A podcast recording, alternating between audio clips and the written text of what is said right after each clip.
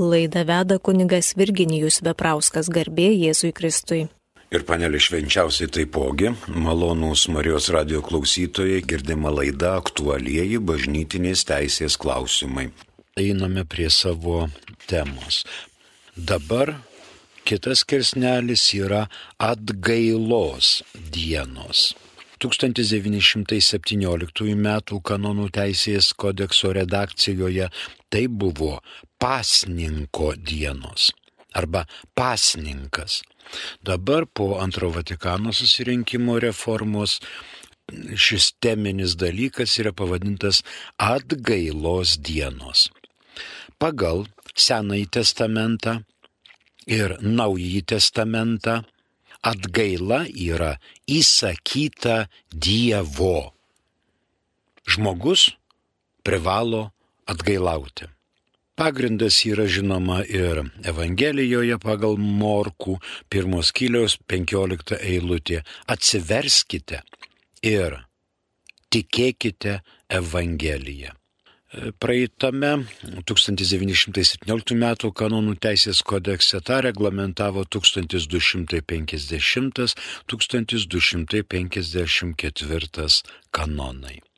Tai dabar iš eilės ir pabandykime pasvarstyti 1249 jau 83 metų kodekso redakciją, kanonų redakcija. Pagal dieviškąją teisę visi Kristaus tikintieji, kiekvienas savo būdu įpareigojami daryti atgailą. Tačiau, kad visi tarpusavyje būtų sujungti bendru atgailos laikymuose, nustatytos atgailos dienos, kad Kristaus tikintieji turi ypač atsidėti maldai, atlikti pamaldumo ir meilės darbus, išsižadėti savęs, ištikimiau vykdydami savo pareigas ir ypač laikydamiesi pasninko ir abstinencijos pagal toliau išdėstytų kanonų normą. Taigi ateina mintis pasninkas ir abstinencija. Toksai žodis abstinencija gal čia nelabai ir tinka, bet mes neturim kito atitikmens. Abstinencija tai šiuo atveju yra atsisakymas mėsiškų valgių vartojimo žinduolių mėsos vartojimu. Žodžiu, 1249 nusako atgailos doktrininius principus. Dieviškoji teisė liepia tiek individualiai, tiek bendromeniškai vienijantis su Dievu nusigręžti nuo nuodėmės ir artėja, artėti prie Dievo visokio gėrio šaltinio. Pirmoji mintis. Dabar antroji mintis. Kiekvienas savitų būdų daro atgailą. Atgaila yra intensyvesnė nei įprasta malda. Atgaila yra meilės ir pamaldumo darbai, ir, žinoma, nuoširdesnis savo pareigų vykdymas. Apsimarinimo praktika ir, žinoma, vienybė su bažnyčia, su ta mintimi, kurią pateikia Šventoji Romos katalikų bažnyčia. 1983 m. kanonų teisės kodeksas nepateikia baigtinio sąrašo bet palieka individualiai pasirinkti atgailos formą. Kaip girdėjote, yra atgaila, tai yra doktrininiai principai. Tiek individualiai, tiek bendruomeniškai. Tolimesniuose kanonuose ir svarstysime, kas yra bendruomeniška atgaila, kas yra individuali atgaila. bendromeniška atgaila yra įsakyta. Kas negali, neturi galimybių vykdyti bendromeniškai, vykdo individualiai. Tačiau atgailą vykdyti privalu. Ir dabar abstinencija. Abstinencija tai yra susilaikimas nuo mėsiškų valgių vartojimo. Pasninkas, žinoma, tuo pačiu ir susilaikimas nuo mėsiškų valgių vartojimo ir vieną kartą sočiai pavalgant dienoje, kitus kartus tik tai užkandant. Pavyzdžiui, sočiai galime pavalgyti be mėsos per pietus, ten sriuba, antras, kompotas, o pusryčiai ir vakarienė tik tai užkasti. Ir tai, ką sutaupome, atiduodame vargšui. Tai yra pasninkas. Tokie pasninkai metų bėgyje Lietuvoje yra trys. Kūčios, pelenų trečiadienis ir didysis penktadienis. Pagal dieviškąją teisę visi Kristaus tikintieji kiekvienas savo būdu įpareigojami daryti atgailą. Rytų kanonuose atitikmuo 1249 yra 882. Fiksuojam. Pagal dieviškąją teisę visi Kristaus tikintieji. Kiekvienas savo būdu įpareigojame dalyti, daryti atgailą. Tačiau, kad visi tarpusavyje būtų sujungti bendru atgailos laikymusi, nustatomos atgailos dienos, kai Kristaus tikintieji turi ypač atsidėti maldai, atlikti pamaldumo ir meilės darbus, įsižadėti savęs, ištikimiau vykdyti savo pareigas ir ypač laikydamiesi pasninko ir abstinencijos pagal toliau išdėstytų kanonų normą. Kitas kanonas 1250. Visuotinėje bažnyčioje atgailos dienos ir laikas yra visi metų penktadieniai ir gavėnios laikas. Visi metų penktadieniai ir gavėnios laikas. Kaip girdėta 1917 m. kanonų teisės redakcijoje tai buvo pavadinta pasninko dienos. O 83 metų galiojančiame kodekse yra atgailos dienos ir pasakyta, kad atgailos dienos yra visi metų penktadieniai. Tai yra įpareigojama po sunkia nuodėme. Antra mintis. 1917 m. kanonų teisės kodekse kanonas 1252 buvo keturi pasninkų laikotarpiai. Aišku, adventas, gavėne, kvartalai, vigilijos ir taip toliau. Dabar liko tik tai atgailos dienos ir vienas laikotarpis, konkrečiai sakant, gavėne. Adventas jau nėra pasninko laikotarpis. Adventas nėra pasninko laikotarpis. Pasninko laikotarpis yra gavėne ir visi metų penktadieniai. Kanonų teisės kodeksas kategoriškas, tačiau mes žinome ir išimtis. Po kalėdų esantis penktadienis įeina į kalėdų oktavą. Ir penktadienis po kalėdų jokių būdų nėra pasninko diena. Šiais metais 2023 sausio šeštoji irgi buvo penktadienis. Bet kadangi ta diena buvo trys karaliai, iškilmė, tai pasninko nėra. Nors kanonų teisės kodeksas tvirtina, kad atgailos dienos yra visi metų penktadieniai. Reitų kanonuose atitikmo 1250-ame neegzistuoja, bet kanonų teisės kodeksas rytuose kreipia mintį pasiaiškinti į dalinės teisės nuostatas. Į dalinės teisės nuostatas. Kai Marija pasirodo žmonijai, tai ar Dievas liepia jai taip daryti, ar ji laisva pati nuspręst, kada ir kur rodysis palaimintiesiems? Nu, gražu, kad rodysis. Jeigu rodosi, žegnokitės. Bet matot, ne kiekvienas pasirodymas yra bažnyčios pripažįstamas. Bažnyčia yra pripažinusi labai nedidelę dalį Marijų pasirodymų. Tai Marija šian, tai Marija ten.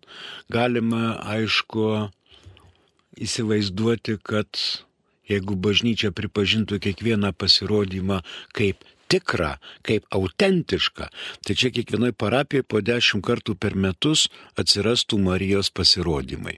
Bet bažnyčia nekreipia dėmesio į tokius visokius pasirodymus. Pripažinti tai Marijos pasirodymai Fatima, Liurdas, Šiluva žinoma ir taip toliau visa eilė pasirodymų. Bet dabar, nu, Dievas liepia. Nei iš šio, nei iš to Marija nesirodo. Marija galbūt išmeldžia iš dievų malonės ir Dievas sako, nu, matai, ten tam krašte bėdos, nueik ir pasakyk kažką. Lietuvoje Šilovos atveju irgi buvo bėdos. Toje vietoje buvo garbinamas Dievo sūnus. Buvo garbinamas. Todėl Marija vaikučiams ir reformatų katechetui skundėsi. Anksčiau čia buvo garbinamas mano sūnus, o dabar čia ariama ir siejama. Vat įmetė tokią žinę žmogui tai reformatų katechetas ką, nesimeldė, nemokė vaikųčių tikėjimo tiesų, tėvė mūsų nekalbėjo, ar dešimt dievų įsakymų nežinojo, ne, jisai žinojo, jisai meldėsi, bet Marija papriekaištavo, kad čia buvo garbinamas Dievo sūnus.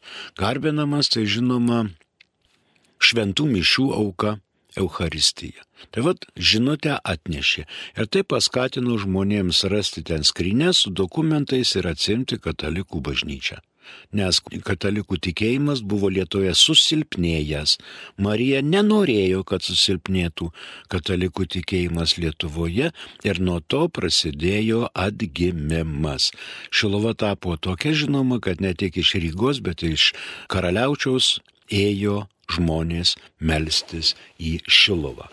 O dabar liepia, neliepia, kai nueisim ne, neužtrukus, pamatysim, kas ten ką liepia, kas ten ką įsako. Ar jinai laisva valia. Jos valia yra būti dangaus karalienė ir džiaugtis matant Dievą veidas veidan.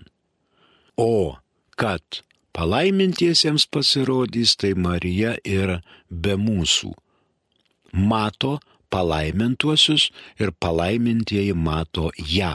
Mes esam kol kas keliaujanti bažnyčia. Eklezija sankta et simul pekata. Bažnyčia šventa ir tuo pačiu nuodėminga. Šventa, nes bažnyčios įkūrėjas yra šventas, nuodėminga, nes mes, bažnyčios nariai, esame nuodėmingi. Ačiū už šitą klausimą. Na dabar einame per 1251. 50 fiksuojam. Visuotinėje bažnyčioje atgailos dienos ir laikas yra visi metų penktadieniai ir gavėnios dienos. 1251 nuo mėsos ir kito maisto pagal viskupų konferencijos nurodymą turi būti susilaikoma visais metų penktadieniais, nebent jie sutaptų su iškilmės diena. Abstinencijos ir pasninko reikia laikytis pelenų trečiadienį ir mūsų viešpaties Jėzaus Kristaus kančios ir mirties penktadienį. 1251.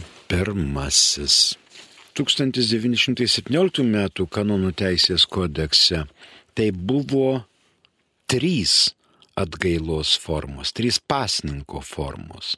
Abstinencija, susilaikymas nuo mėsos, reiškia, kita forma yra mėsos ribojimas, vieną kartą sočiai, kitus kartus pavalgant, ir trečia forma abu du kartu. Dabar 83 metų kanonų teisės kodekse liko dvi formos. Viena forma tik susilaikimas nuo mėsiškų valgių vartojimo penktadieniais ir antra forma žinoma pasninkas. Lietuvoje yra trys - kūčios, pelenų trečiadienis ir didysis penktadienis. Dabar susilaikomės nuo mėsiškų valgių vartojimo ar nuo kitokio valgio yra paliktas spręsti vyskupų konferencijai. Ir tai Lietuvoje taip pat yra visi metų penktadieniai, išskyrus, aišku, iškilmes, kada kalendorius įsako mums švesti iškilmes. Antra mintis. 1917 m. kanonų teisės kodekse tą normino 1251.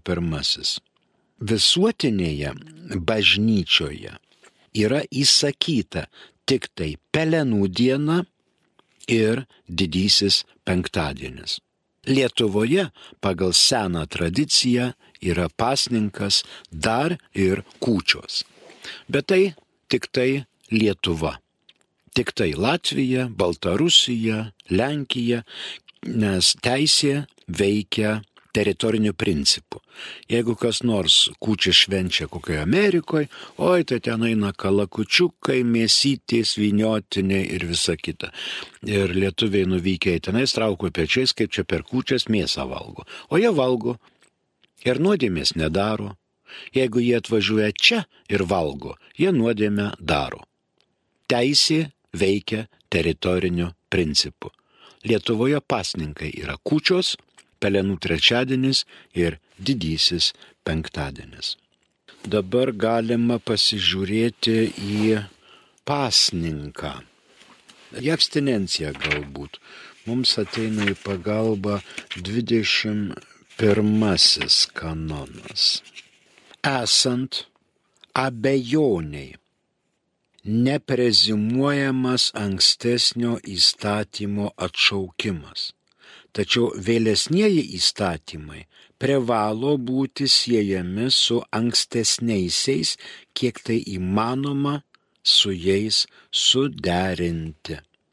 Čia irgi jau dėl pasninkų.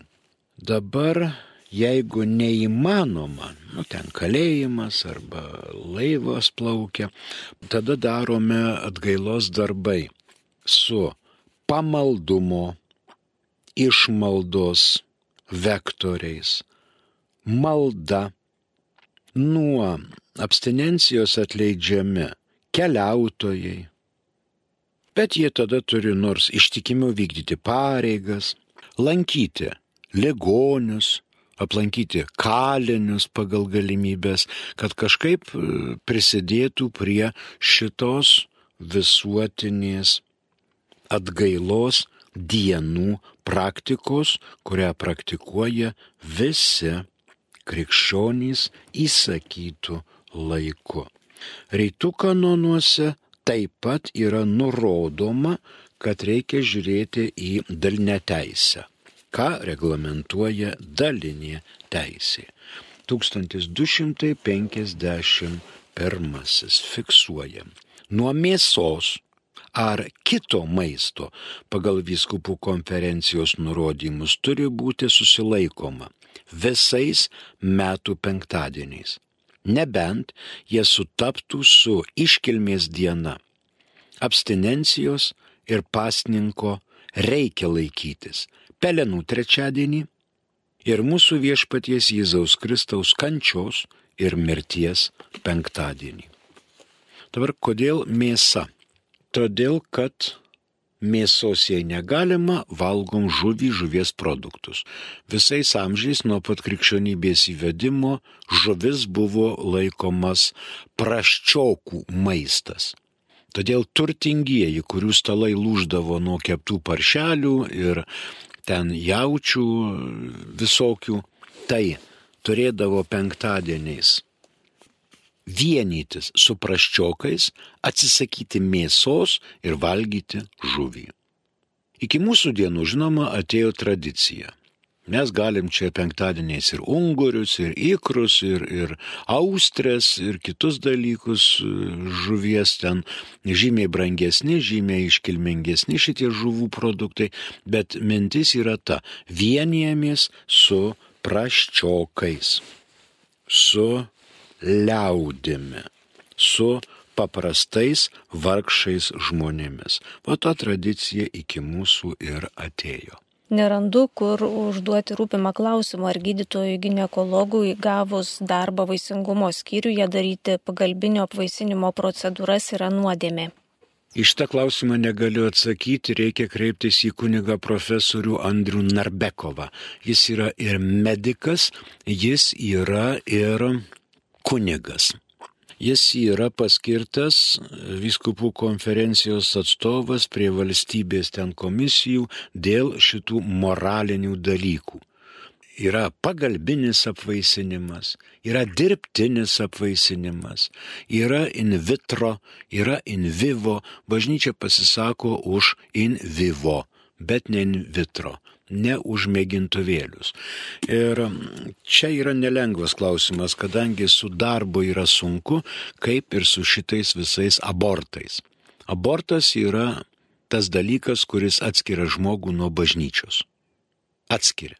Tai vad dabar, kad nebūtų čia per Marijos radiją taip arba ne, reikia pasiskaityti Lietuvos viskupų konferencijos dokumentus ir paprašyti turbūt kunigo Andriaus Narbekovo, kad jisai paruoštų kažkokį komunikatą ir pasakytų, kaip iš moralinės teisės šitaip atrodo. Čia laida yra aktualieji bažnytinės teisės klausimai, bet ne moralinė. Ir negaliu dabar pasakyti konkrečiai taip ar ne, kokiom sąlygom esant yra taip, kokiom sąlygom esant yra ne. Nes gydytojas gynekologas tai irgi yra medikas ir jisai privalo dirbti tą darbą, kur jis gauna darbą. Reikia ir šeimą žūginti ir taip toliau. Su tais pagalbiniais apvaisinimais, kaip reiškia pavyzdžiui morali spermos paėmimo procedūra turėtų atrodyti. Ir taip toliau. Ar čia yra spermos bankas, kada paėmė ten pirmą pasitaikiusi bet kokį, ar iš savo sutuoktinio santokos sakramentų sujungto. Na ir taip toliau. Čia daugiau klausimų yra, negu šiuo metu galima teikti atsakymus. Ačiū Jūratė už klausimą. Prašau ką reikia prisidirbti, kad būtum atskirtas nuo bažnyčios ir kokios teologinės pasiekmės grėsia turinčiam tokią anatemą. Jei po mirties duše labai gailisi, daug poteriauja, ar gali viešpats panaikinti tą ekskomuniką, juk jam nėra negalimų dalykų. Jam nėra negalimų dalykų, tai Dievas yra, bet žmogui negalimų dalykų yra žmogaus malonės laikotarpis tęsiasi, kol jis gyvas čia. O ką reiškia po mirties dušė labai gailėsi? Po mirties nėra laiko jau gailėtis, jau po mirties tu duodi ataskaitą, tau knyga bus vartoma lapas po lapo ir neturėsi laiko melstis ir gailėtis. Gailėtis reikia, kol gyvas ir kol gyveni. O prisidirbti tai yra ir lengva, ir sunku. Nes bažnyčia nelabai daug kuo skiriasi nuo Dievo. O teologinės pasiekmes, jeigu, jeigu žmogus atskirtas nuo bažnyčios, tai tuo pačiu jisai atskirtas ir nuo Dievo. Vienos ekskomunikos yra letė sentencija, kitos ekskomunikos yra ferendė sentencija. Vienas dalykas, jeigu užtraukia komuniją pačiu faktu, kitas dalykas, kai užsitraukia ekskomuniką teismo sprendimu. Apie tai dar mes kalbėsime ateinančiuose kanonuose kuo skiriasi paprasta teologija nuo mistinės ir asketinės, nes Grigaliaus universitete Vatikane fakultetas mistinės ir asketinės teologijos. Na, mistika nuo asketikos tai skiriasi. Asketinė tai kaip taikyti savo discipliną, kaip tobulėti ir daryti atgailą. Tai yra askezė. O mistinė, tai vad yra šventųjų. Šventoji Marija Margarita Alekok. Mistikė. Turbūt šventoji Edita Štain. Irgi mistikė. Tai yra jų raštai, tyrinėjimas jų palikimo ir nagrinėjimas ir prieimimas sprendimų, kiek jie atitinka šventą raštą ir kiek e, šitie mistikų darbai įsigilina į vieną kitą švento rašto mintį ir ją paryškina. O toks būtų dalykas.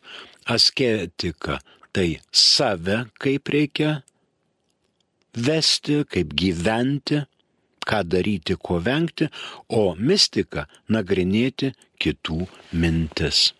Ačiū. Klausytoja Teklė paskambino.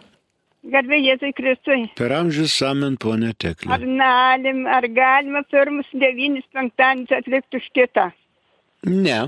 Negalima. Mes penktadienius atliekame už save, bet paukoti už kitą galime. Visuotinius atlaidus galime aukoti net ir už mirusį, bet tai yra atskiros dienos - vėlinių oktava. Už mirusį pavyzdžiui. Galima melstis už kitą, o pasninkauti už save. Nes jeigu bažnyčiai sako pasninkauti už save, tai mes negalim už kitą numesti ant jo. O kas tada už mus pasninkaus? Tai pirmiausia, mes vykdome įstatymus. Ir kai mes vykdome įsakymus, einame link Dievo ir kuo arčiau mes esam prie Dievo, tuo per mūsų mm, atgailą, per mūsų nuopelnus Dievas gali padėti kitiems. Va čia tokia būtų prasmė, ponė Teklė. Ačiū. Garbėzui Kristui. Per amžius. Prašom pasakyti, ar galima krikščioniui katalikui nardintis į eketę ar kitą vandens šaltinį pašventintą ortodoksų šventiko. Širdingai ačiū klausytojai. Ačiū klausytojai už šitą. Žinot, galima. Galima ir į ortodoksų šventinko pašventintą vandens šaltinį nerti, Daugelis katalikų juk neria į Jordano upę, šventoje žemėje, Izraelyje, Jordane, Palestinoje ten. Neria ir ką? Nardo. Smagu, gaivu, miela. Galite ir į platelių ežerą nerti, ir į palangos jūrą nerti, Kas trukdo nertis? Tai graži tradicija, paprastai tai pravoslavų bažnyčia turi mm, per tris karalius tokią tradiciją, kad visi ten tris kartus neria į eketę sausio mėnesį, kada aplinkui baisiausi šalčiai, o vanduo ten plus kokių keturių laipsnių ir ten iš, iš lauko iš oro šalto įneri į šiltą vandenį. Paskiau išlendi ir nusišluostai. Nu ir kas? Galim? Galima. Kas draudžia? Klausytoja Teklė vėl paskambino. Taip, prašom, ponė Teklė. Ar galima atsiteisti už kitų, pavyzdžiui, ten močiutė, aš galiu atsiteisti už savo vaikų anukėlių nuodėmes, atsiteisti, jungiant su Marijos atsiteisimu. Ar galima atsiteisti? E, ačiū. Jūs galite jungti, teistis ir atsiteisti. Bet matot, žmogus yra individuali būtybė, jis pirmiausiai už save galime prašyti Dievo, kad Dievas duotų malonę ir atleistų už vaikų padarytas nuodėmės, už anūkų padarytą blogį. Mes galime melstis bet už juos atsiteisti negalime, nes nėra jokios garantijos, ar Dievas atleis. Dievas turėtų išklausyti mūsų maldas, bet mūsų malda pirmučiausiai nėra turgaus malda. Mes savo maldą visų pirma Dievą garbiname. Ne prašome, ne maldaujame, ne kažko norime, bet pirmiausia mes Dievą garbiname. Dievui mūsų garbinimas nereikalingas. Mums reikalingas, kad mes garbiname Dievą kad neprisirišame prie savo kažkokių sprendimų ir laisvą širdimi mokame Dievą garbinti kaip visų gerybių kūrėją. Gerybių tai ir savo, ir savo vaikų, ir savo anūkų. Ir Dievas nesmerkia nei vaikų, nei anūkų, Dievas smerkia, smerkia vaikų ir anūkų dar, daromus blogus darbus. Ir mes visų pirma turime rodyti pavyzdį vaikam ir anūkam, mokyti ir auklėti, kad jie to nedarytų. Skauda širdį tėvams, kai mato, kad vaikai ir anūkai daro blogį paima patsą, užstato būtus, ten veža į senelių namus arba įjungsta į narkotikus, į plėšimus, į vagystės, į nedorą palaidą gyvenimą, yra tikrai bėda. Todėl mes melžiamės, garbiname Dievą ir akies krašteliu prašome, kad Dievas būtų maloningas ir nebepasmerktų. Ačiū, dar turim trupučiuką laiko, mums paskambino, prašom ta pati klausytoja dar nori paklausti. Klauskit. Ar, ar, galiu, ar galiu paskutinę jų minutę, mirties minutę palikti, aš, aš pavyzdžiui, nebegyventi, o jie gyvens, bet aš iš anksto noriu, ar galiu palikti, reiškia, mirties jų valandą, paskandinti juos į dievišką gailestingumą, kad jie nemirtų be šventų sakramentų. Skandint galite į Dievo gailestingumą ir juos skandinti į Dievo gailestingumą reikia ir būtina. Tik kokiu būdu jūs tą darysite? Ačiū. Dar turbūt vieną klausimą turime, taip? Ką daryti, jei galvoju, kad mane prakeikė kitas žmogus, panaudodamas burtus. Sudaužiau veidrodį ir galvoju, kad nesiseks septynerius metus. Kaip man padaryti savo egzorcizmą, jei aš esu nelaisvėje? Danielius klausė. E, kodėl žmogus pats savo turėtų daryti egzorcizmą? Tai vienas dalykas. O koks šis skirtumas esate laisvėje ar nelaisvėje? Dabar jūs galvojate, kad jūs prakeikė kitas žmogus, o jūs imkite ir taip negalvokite. Gali jūs prakeikti kitas žmogus panaudodamas burtus arba kiti žmonės panaudodami burtus gali jūs prakeikti, bet jūs taip negalvokite.